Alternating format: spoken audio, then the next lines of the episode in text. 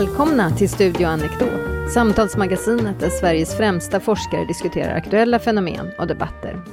Jag heter Frida Bäckman och idag ska det handla om terrorattackerna den 11 september 2001. Imorgon är det 20 år sedan två flygplan kraschade in i World Trade Center i New York och ett tredje i Pentagon, hemmet för USAs försvarsdepartement. Men vilka är de mest betydande efterverkningarna av händelserna? Hur påverkar de den amerikanska politiken och kulturen och den muslimska världen under åren som följde? Och hur kan vi se på händelserna när 20 år har gått och USA just avslutat den närvaro i Mellanöstern som inleddes efter attackerna? Med mig i studion för att diskutera detta idag finns Frida Stranne, statsvetare verksam vid Högskolan i Halmstad och affilierad forskare vid Svenska institutet för Nordamerikastudier vid Uppsala universitet. Mohammed Fassal Hassemi, professor i islamisk teologi och filosofi vid Uppsala universitet. Och Stefan Jonsson, litteraturvetare och professor i etnicitet vid Linköpings universitet. Varmt välkomna hit allihop. Tack. Tack. Tack.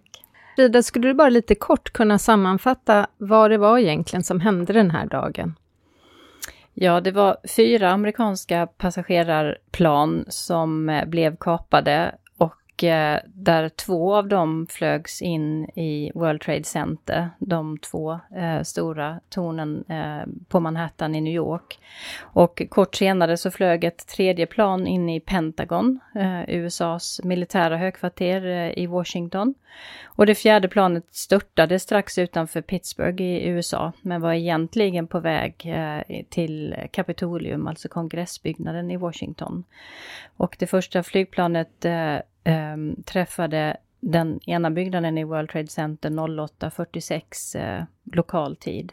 Och ett par timmar senare så hade ju då båda skyskraporna rasat samman eh, och bildat ett, eh, ett kaos och tumult i, i eh, New York.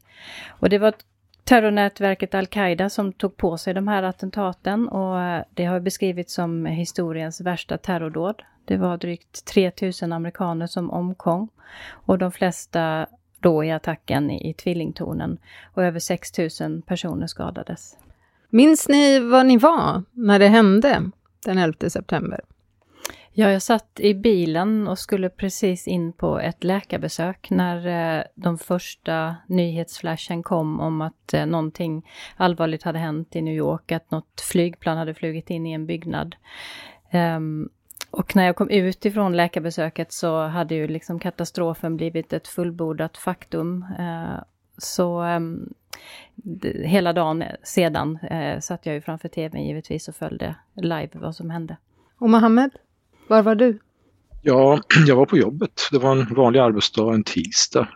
Jag, jag fick höra det här via eh, vänner och arbetskamrater och så gick jag in och kollade och eh, sen skyndade jag mig hem för att eh, jag började faktiskt ana vad som var, eh, var på gång så att säga. Därför att World Trade Center hade blivit angripen tidigare av eh, islamistiska extremister och eh, eh, sen satt vi helt liksom förstummade inför tv och såg de här filmerna liksom som de visade gång på gång de här det här andra planet som kraschade in i södra tornet. Och liksom.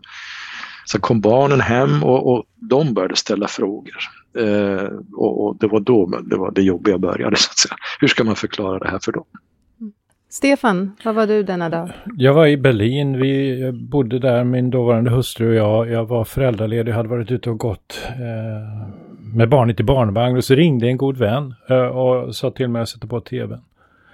Och eh, min första tanke omkring det där var, eh, alltså för mig var det på något sätt självklart, ja men det här är en, det här är en terrorattack mot USA. Att jag tänkte så beror på att tonläget i USA gentemot i synnerhet i Israel-Palestina-frågan var då väldigt uppskruvat. Men också hela retoriken från eh, den amerikanske presidenten och hans försvarsminister Rumsfeld och hans vice president Dick Cheney. Eh, hela den amerikanska utrikespolitiken hade en udd. Och på något sätt så kopplade jag detta ihop med detta. Vad det egentligen var, det, det, visste ju ingen av oss just då. Men jag tänkte att det här kommer inte att gå bra. Nu, nu, går, vi in i, nu går vi in i en oroligare och våldsammare tid.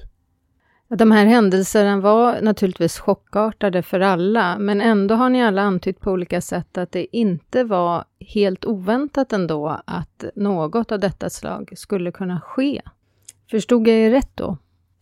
Alltså USA hade ju krigat redan ett par gånger under 90-talet.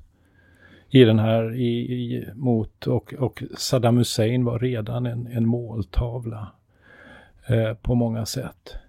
Och sen hade vi också kriget i, i det forna Jugoslavien. Så det var ju, alltså den 11 september, den började inte den 11 september 2001, utan hela 90-talet var ju på något sätt en omorientering av amerikansk utrikespolitik. Eh, där den konservativa delen av det politiska etablissemanget i USA väldigt i hög grad målade upp den muslimska världen som ett problem. Min spontana reaktion Eh, medan jag satt där och tittade på de här eh, händelserna och samtalen under hela dagen som ju, som ju följde, eh, det var också att nu fick vi se den här vreden som hade uttryckts länge, eller under hela 90-talet från den muslimska världen. Och um, som, ett, eh, som en reaktion på de krig som, och den krigföring och den närvaro i, i Mellanöstern som ju hade kännetecknat USAs liksom, utrikespolitik sedan en, en tid. Och att eh, det också var det här, precis som Mohammed sa innan, eh, ändå så spektakulärt och så, alltså det slog mot hjärtat av USA och man hade liksom lyckats komma åt eh, ehm, den amerikanska identiteten på ett väldigt påtagligt sätt. Och rädslan för vad det skulle komma att innebära var någonting som ändå grep tag i mig ganska omedelbart, att det här kommer inte, med tanke på vilka vi visste fanns i den politiska administrationen, Eh, men egentligen oavsett, det här kommer man att eh, liksom svara på med, på ett kraftfullt sätt. Och det, och det, var ju också det som, som blev ett resultat av detta. Men det var ju inte taget ur luften, precis som är sagt här innan, utan eh, vi hade ju sett en stor ilska byggas upp i Mellanöstern, inte minst när, sedan USA satte baser i Saudiarabien till, som en del av Gulfkriget 1991 till exempel, vilket upplever det som en djup kränkning i, i, delar av den muslimska världen. Och också kriget som då hade varit och sanktionerna mot Irak och, och en, en, en rad andra saker under lång tid, flera decennier i Mellanöstern som ju då eh, nu detta blev liksom en reaktion mot. Och kriget började ju inte där och då. Ändå ställdes inte frågan initialt varför USA var attackerad. Eh, men vad tror ni det hade för betydelse, det faktum att så många av oss kunde bevittna de här händelserna eh, live? Och eh, vad gjorde de här intrycken för vår värdering och förståelse av de här händelserna? Man skulle kunna säga att eh, de här terrorattackerna flyttade in i folks vardagsrum genom att man satt vid, eh, vid, fastklistrad inför tv och såg de här eh, liksom, eh, attackerna liksom rullas om och om och om igen. Tittar man på amerikanerna själva så skulle jag säga att jag tror att eh, just det faktum att det här kunde spelas upp om och om igen hade en väldigt stor betydelse för Bush möjlighet att eh, skapa och forma kriget mot terrorismen och hans väldigt hårdförda eh, eh, retorik, ödesmättade retorik och dela in världen i ondska och godhet och bygga på den rädslan som många amerikaner ju kände eftersom här attackerades man ju för första gången sedan Pearl Harbor på hemmaplan. Um, man gjorde det i en tid också, ska vi minnas, där USA verkligen stod på toppen av sin makt och här attackeras man då och får den här självkänslan eh, knäckt på, på så många sätt och också en, en stark rädsla därför det här bygger eh, Bush då ganska snart också upp en, en bild av ett diffust hot som kan slå till var som helst, när som helst. Eh, han kunde valt att eh, agera på väldigt många sätt, men det blev ju då två stycken eh, invasioner och USAs längsta krig någonsin. Och för att kunna få stöd för det så tror jag att det spelade stor roll just det här hur, hur terrorattackerna både såg ut och också sen kunde spelas upp återigen och om och om igen just för att människor aldrig hellre kunde släppa taget om den rädsla och den, den vanmakt som man kände det, det, finns ju ett uttryck på, eh, på svenska och det finns säkert på många andra språk också. Som en blixt från en klar himmel. Eh, och det antyder ju att det var någonting fullständigt oväntat. Eh, men också att det var någonting fullständigt obegripligt. Som en blixt från en klar himmel. Eh, så var det ju inte. Men så såg det ut på bilderna. Och de här bilderna var i någon mening perfekta. Eh, de var på ett sätt både vackra och fasansfulla. Det var en blixt från en klar himmel. Det var som att guden Zeus eller guden Tor, blixtarnas gudomar, hade, hade på ett obegripligt sätt gripit in i världshistorien här och, och slungat eh, någonting, eh, en straffdom mot USA. Eh, så såg det ut. Och eh, det, jag håller helt, helt med Frida här att det var naturligtvis de här bilderna som, som, som, eh, som gjorde att eh, man kunde motivera ett lika våldsamt svar på detta. Så att jag tror också att det spelar stor roll att det såg ut som det gjorde och att det filmades som det gjorde. Men sen är det en annan sak också, just att, att så många då kunde se det här. Vi identifierade oss, eller vi föreställde oss det fasansfulla som hade hänt också, att så många människor måste ha dött i detta. Så att det fanns en stark empati hos alla som såg detta med, eh, med de drabbade och med New York. Så att det uppstod då någon, en nästan påtaglig gemenskap och eh, medkänsla med människorna som, som, som, eh, som hade blivit drabbade och bilderna medverkade också till det och just att de medierades så snabbt ut över hela världen. så det var inte ett dugg svårt att föreställa sig att, oh, tänk om jag hade varit där, eller tänk om någon jag känner var där. Mohammed, går det att säga något översiktligt om vilka reaktioner som attentaten och efterspelen väckte i den muslimska världen? Ja, det var lite blandat skulle jag eh, säga. Eh, dels var det ju de som eh, jublade över det här naturligtvis. Vi såg ju faktiskt de här bilderna. Eh, men men eh, vi såg också att det fanns ju många som visade sympati eh, för de drabbade. Eh, inte minst i länder som, som betraktades som eh, USA-fientliga. Till exempel, jag tänker på, till exempel på det som utspelade sig i Teheran i Iran eh, efter attackerna eh, 11 september.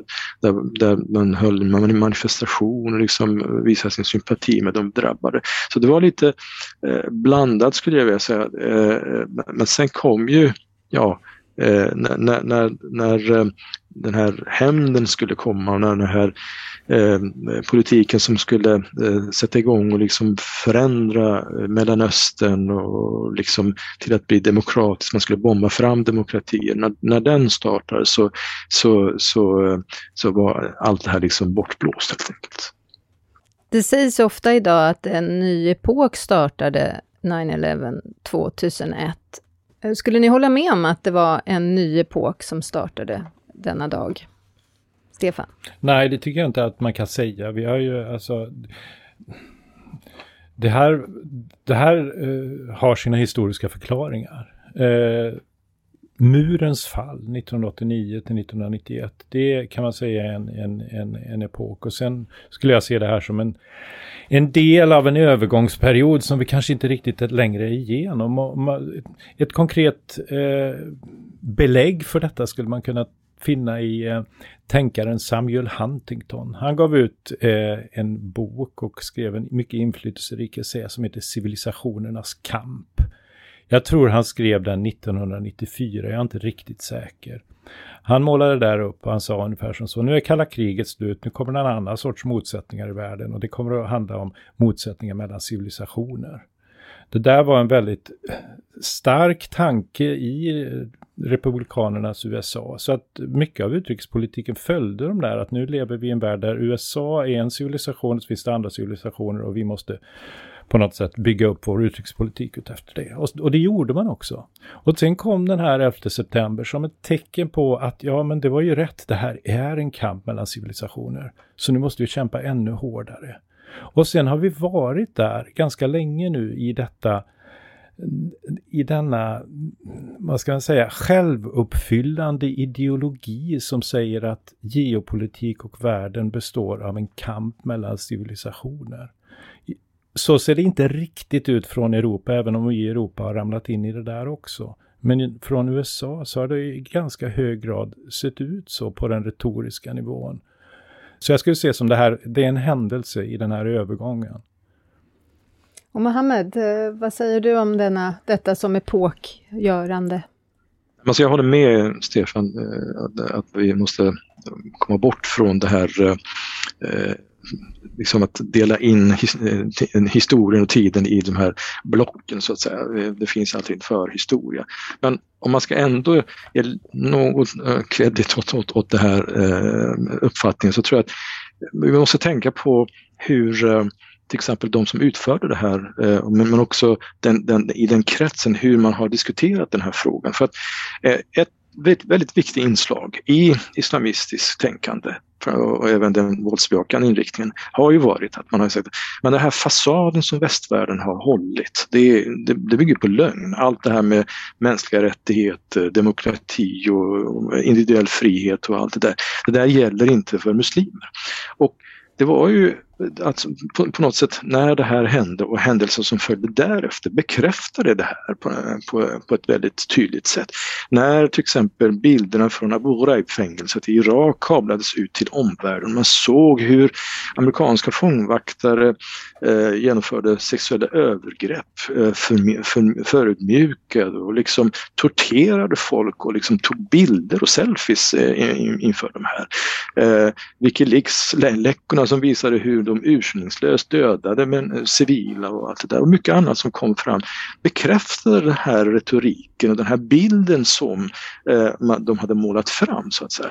Och det det, på, på, på, det sättet så skulle jag säga att det blev epokgörande. Eh, just det här det som hände här och reaktioner som kom på det från amerikansk håll där där de sa att nu ska vi silkesvantarna bort, nu ska vi behandla dem på, på, deras, på deras sätt. Och då, kom, då, då, då, då, då, då avslöjade man sig, eh, skulle man kunna säga. Vi ska också tänka på att eh, den, den islamistiska bilden är ju väldigt selektiv man, man ser inte hela den västerländska civilisationens eh, bredd utan man, man, man, man selekterar det här och liksom tittar på vissa eh, eh, eh, saker. Och det här var en bild där man, i ett, det fanns ett domtänkande då hos dem också. De sa att ja, men de, betraktas inte, de betraktar inte oss som, som likvärdiga, de behandlar oss och då, då hänvisar de till allt från vad som hade hänt under kolonialtiden till eh, det som hade hänt efter att USA trädde in på världsscenen eh, efter andra världskriget.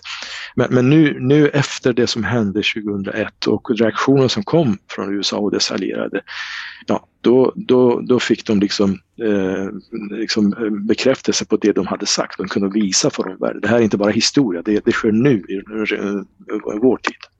Frida, vad är dina perspektiv på den här händelsen som epokgörande? Jag håller med Mohammad om, om eh, det han säger och jag tror att eh, man skulle kunna se det som ett missat tillfälle också för USA som, som supermakt att eh, agera med viss återhållsamhet, eftertänksamhet över hur man också hade fört krig och verkat för regimförändringar med våldsamma medel ända under hela kalla kriget också och att man istället valde en väg som också nu kanske, det vet vi inte ännu, men som vi ändå eh, har vissa indikationer på är, innebär dess egen försvagning. Man gick in i eh, eh enormt kostsam krigföring i två av USAs längsta krig någonsin.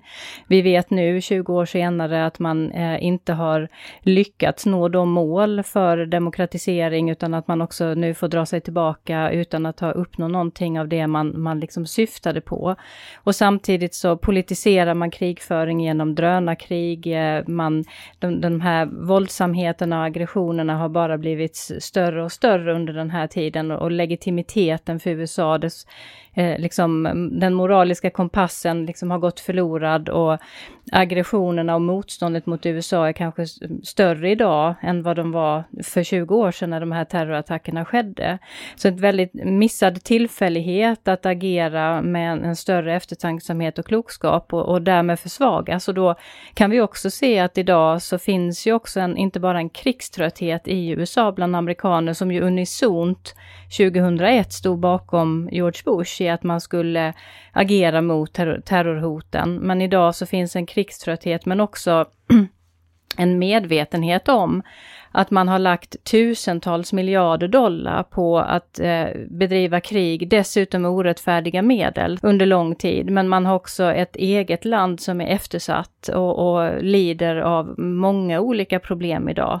Också så eh, liksom ekonomiska vad det gäller eh, många grupper som, som eh, Eh, far illa och man har den här starka polariseringen. Och, så att eh, demokratin och liksom alla landvinningar och möjligheter som fanns 2001, där, där där, jag vet inte hur man ska uttrycka det, men man, man förlorade liksom kontrollen över, över framtiden där på något sätt.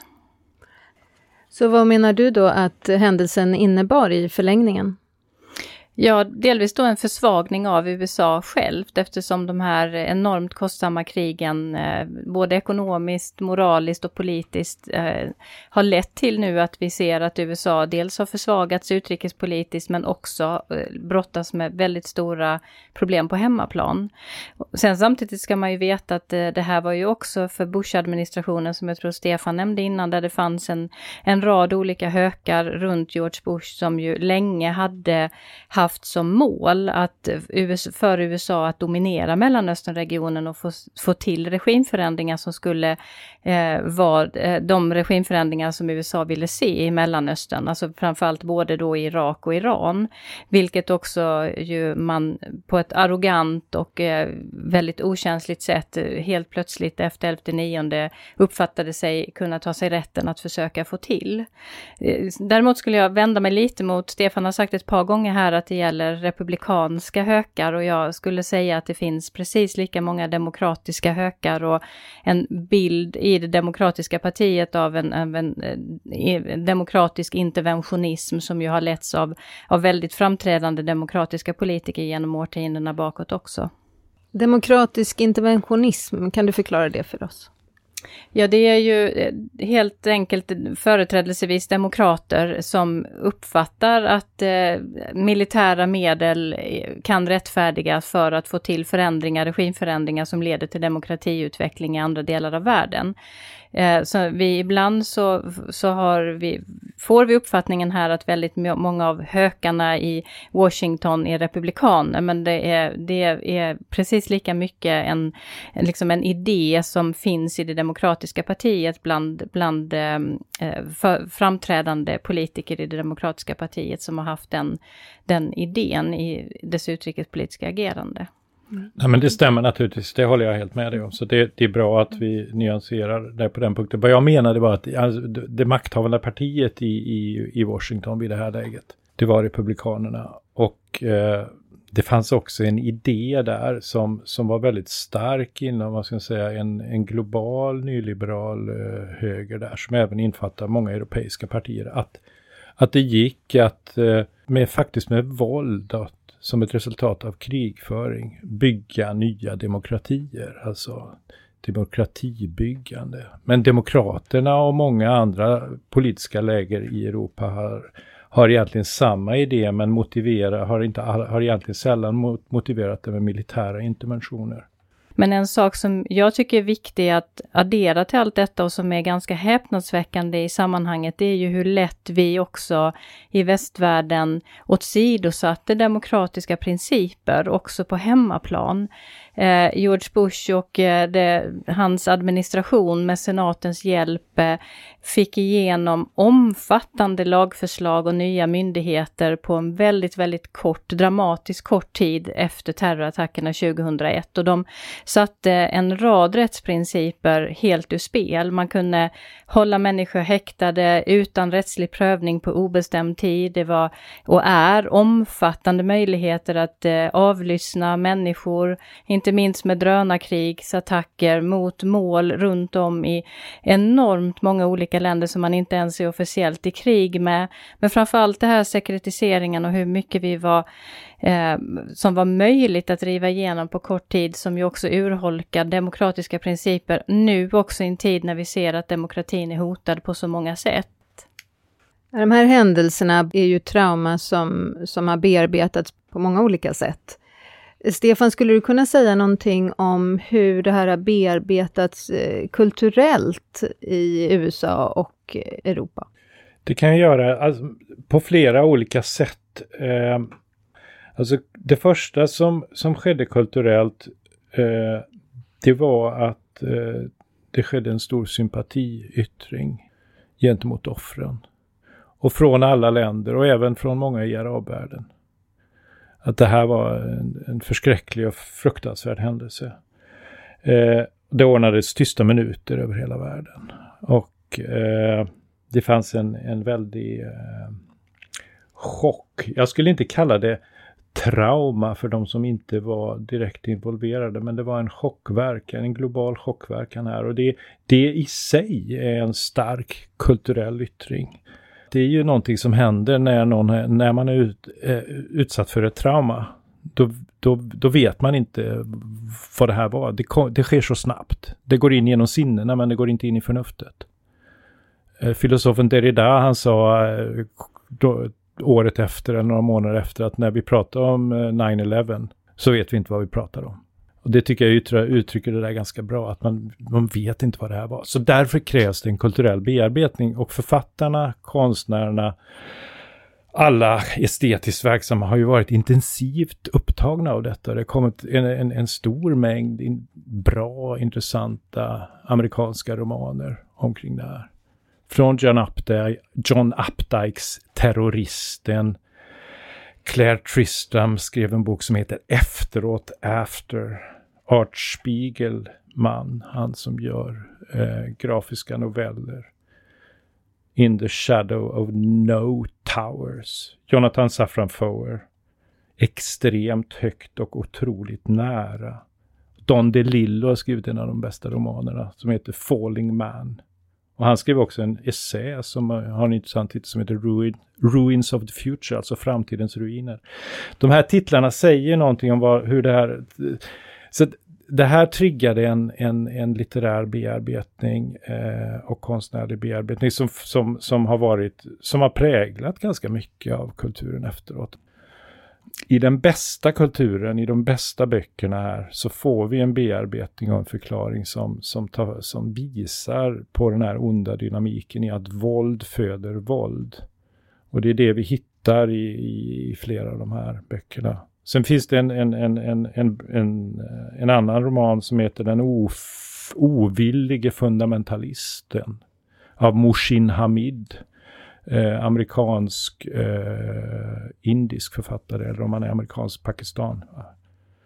Som helt enkelt går in i fundamentalismens huvud och, och förklarar varför han gjorde detta. Eh, och den kulturen är ju oundgänglig. Eh, för att där, där, där får vi en förståelse till det som har skett. Det är en lite intressant spänning det här med hur man bearbetar eh, chockartade traumatiska händelser. Som du säger Stefan, å ena sidan eh, är det nödvändigt att eh, jobba med berättelser för att på något sätt ta sig igenom och försöka förstå. Å andra sidan har ju till exempel Don DeLillo, en av de här författarna du nyss nämnde, också sagt att författaren har blivit överflödig efter den här typen av terrordåd, därför att terroristerna har, eh, har lyckats bättre med att beskriva vår samtid och våra trauman. I viss mening har han naturligtvis rätt eh, om, om man menar att författaren ska ha en, ha en lika stark påverkan på verkligheten som, eh, som någon som begår en våldshandling. Eh, vare sig det nu är en individ eller en, en islamistisk cell eller en stat. Men författarens uppgift ligger ju inte där. Eh, författarens uppgift är ju att eh, skänka eh, mening, förståelse för den sortens handlingar så att vi inte ska behöva upprepa dem i bästa fall. Utan att vi lär, går hem och lär oss någonting av detta. Där ligger ju alltid kulturens, eh, konstens, litteraturens bildande funktion. Att, att eh, skapa mening och mönster i detta. Eh, vi har ju varit inne på redan hur det här, de här händelserna förändrade eh, västvärldens syn på sig själv, men hur, eller inte. Eh, men hur förändrades västvärldens syn på muslimer, Mohammed?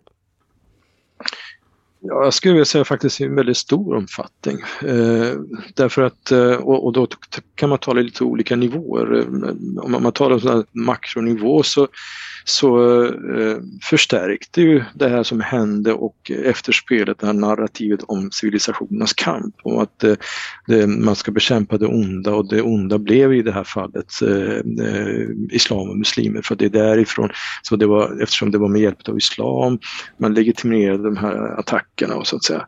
Och det som inte, det var intressant var ju att eh, Al-Qaida som trots allt är en eh, extremistisk eller rörelse eh, blev över en natt sinnebilden för allt som islam och muslimer står för helt enkelt. Och, och, och man hade väldigt svårt att liksom skilja mellan det här med eh, islam och muslimer i största allmänhet och just den här eh, våldsbejakande eh, terror, terrorgruppen så att säga. Om man, om man tittar på en annan nivå, det är det här med hur, hur det här kommer att utnyttjas mot muslimer i till exempel eh, eh muslimska invandrare och flyktingar som bor i, i, här i Europa eller andra delar av väst. Eh, det var många populistiska högerextremister men också konservativa krafter som drog nytta av den här rädslan som hade skapats i samhället och, och målade upp muslimer som en ja, som femtekolonnare. Och vad som, vad som glömdes bort här det var ju att, att, att eh, eh Al-Qaida och eh, likasinnade organisationer genomförde många terrordåd eh, e-, efter det här och det var faktiskt många muslimer som hade drabbats av deras eh, våld. Men sen finns det ytterligare en nivå, det är den här personliga nivån, alltså det som, som människor på, på, som jag liksom fick känna på det här. Jag, det, det, är på den nivån att man var tvungen att liksom hantera det här därför att över en natt så hade liksom allt liksom förändrats. Man, man, fick, man, man, fick ta ställning, man, fick, man skulle försvara sig, man skulle deklarera, man skulle för, liksom förklara var man stod. Det, det krävdes utav en...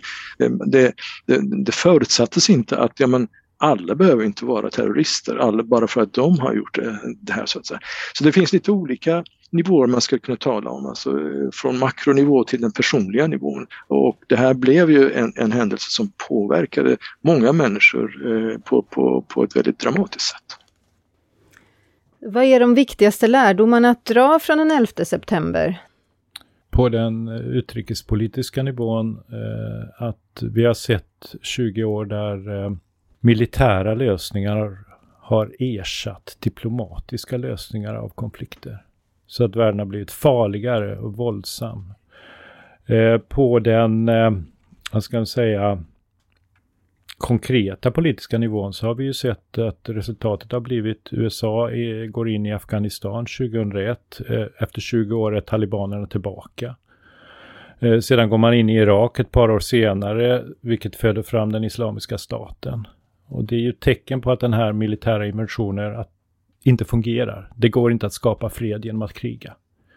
Man hade hoppats att mänskligheten hade lärt sig det och att världens stormakt USA hade lärt sig det. Mohammed, vad tycker du är de viktigaste lärdomarna att dra? En lärdom som man, man skulle kunna dra av det här, det är alltså att Eh, man kan aldrig försvara sig mot eh, ideologier, som, som våldsbejakande ideologier, men man kan alltid minimera rekryteringsbasen för de här ytterlighetsrörelser och det gör man genom att eh, liksom arbeta för verklig eh, demokrati eh, och, och respekten för mänskliga rättigheter. Eh, det här samarbetet som USA har haft och har fortfarande med några av världens mest brutala regimer, alltifrån Saudiarabien och Pakistan med, med, med, med flera. Eh, det, de, de, de, här samar, de här samarbetena de, de, de bäddar för eh, att det kommer reaktioner. Men, men också som, som nämndes här, eh, det här med Afghanistan. Vi, vi ska inte glömma bort att eh, USA understödde många av de här extrema rörelserna utifrån det här devisen min fiendes fiende är min vän när man skulle bekämpa den sovjetiska ockupationsmakten. Men sen, sen släpptes de vind för våg och de blev ju, man, man närde, närde en drake i, i orm i barmen, så, barmen så att säga. Så, så småningom blev de här ormarna en drake som uh, slog tillbaka på det här sättet. Och precis som nämndes tidigare, det här med framväxten av IS, ja det är efter att man invaderar eh, Irak och, och det som hände därefter. Störtade en, en grym diktator, men vad som hände därefter. Så att, eh, vill man be, låta bli de här eh, brandkårsutryckningarna med, med militära medel, då, ska, då tror jag att en viktig lärdom är alltså att man, man ska arbeta proaktivt för att, för att liksom, eh, minimera rekryteringsbasen för ytterlighetsrörelser.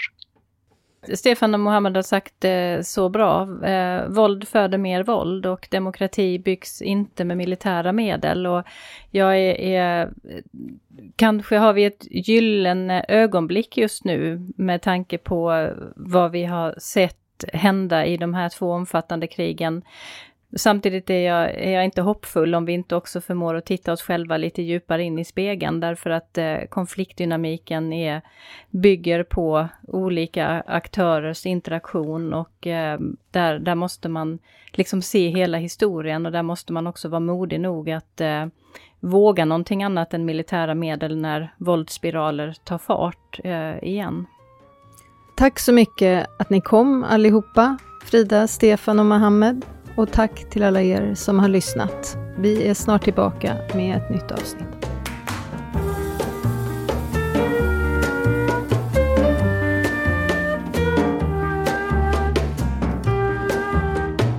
Du har lyssnat på Studio Anekdot. Samtalsledare var Frida Bäckman, redaktör Anna Frykholm och producent Magnus Bremmer. Mer information om podden och gästerna hittar du på anekdot.se.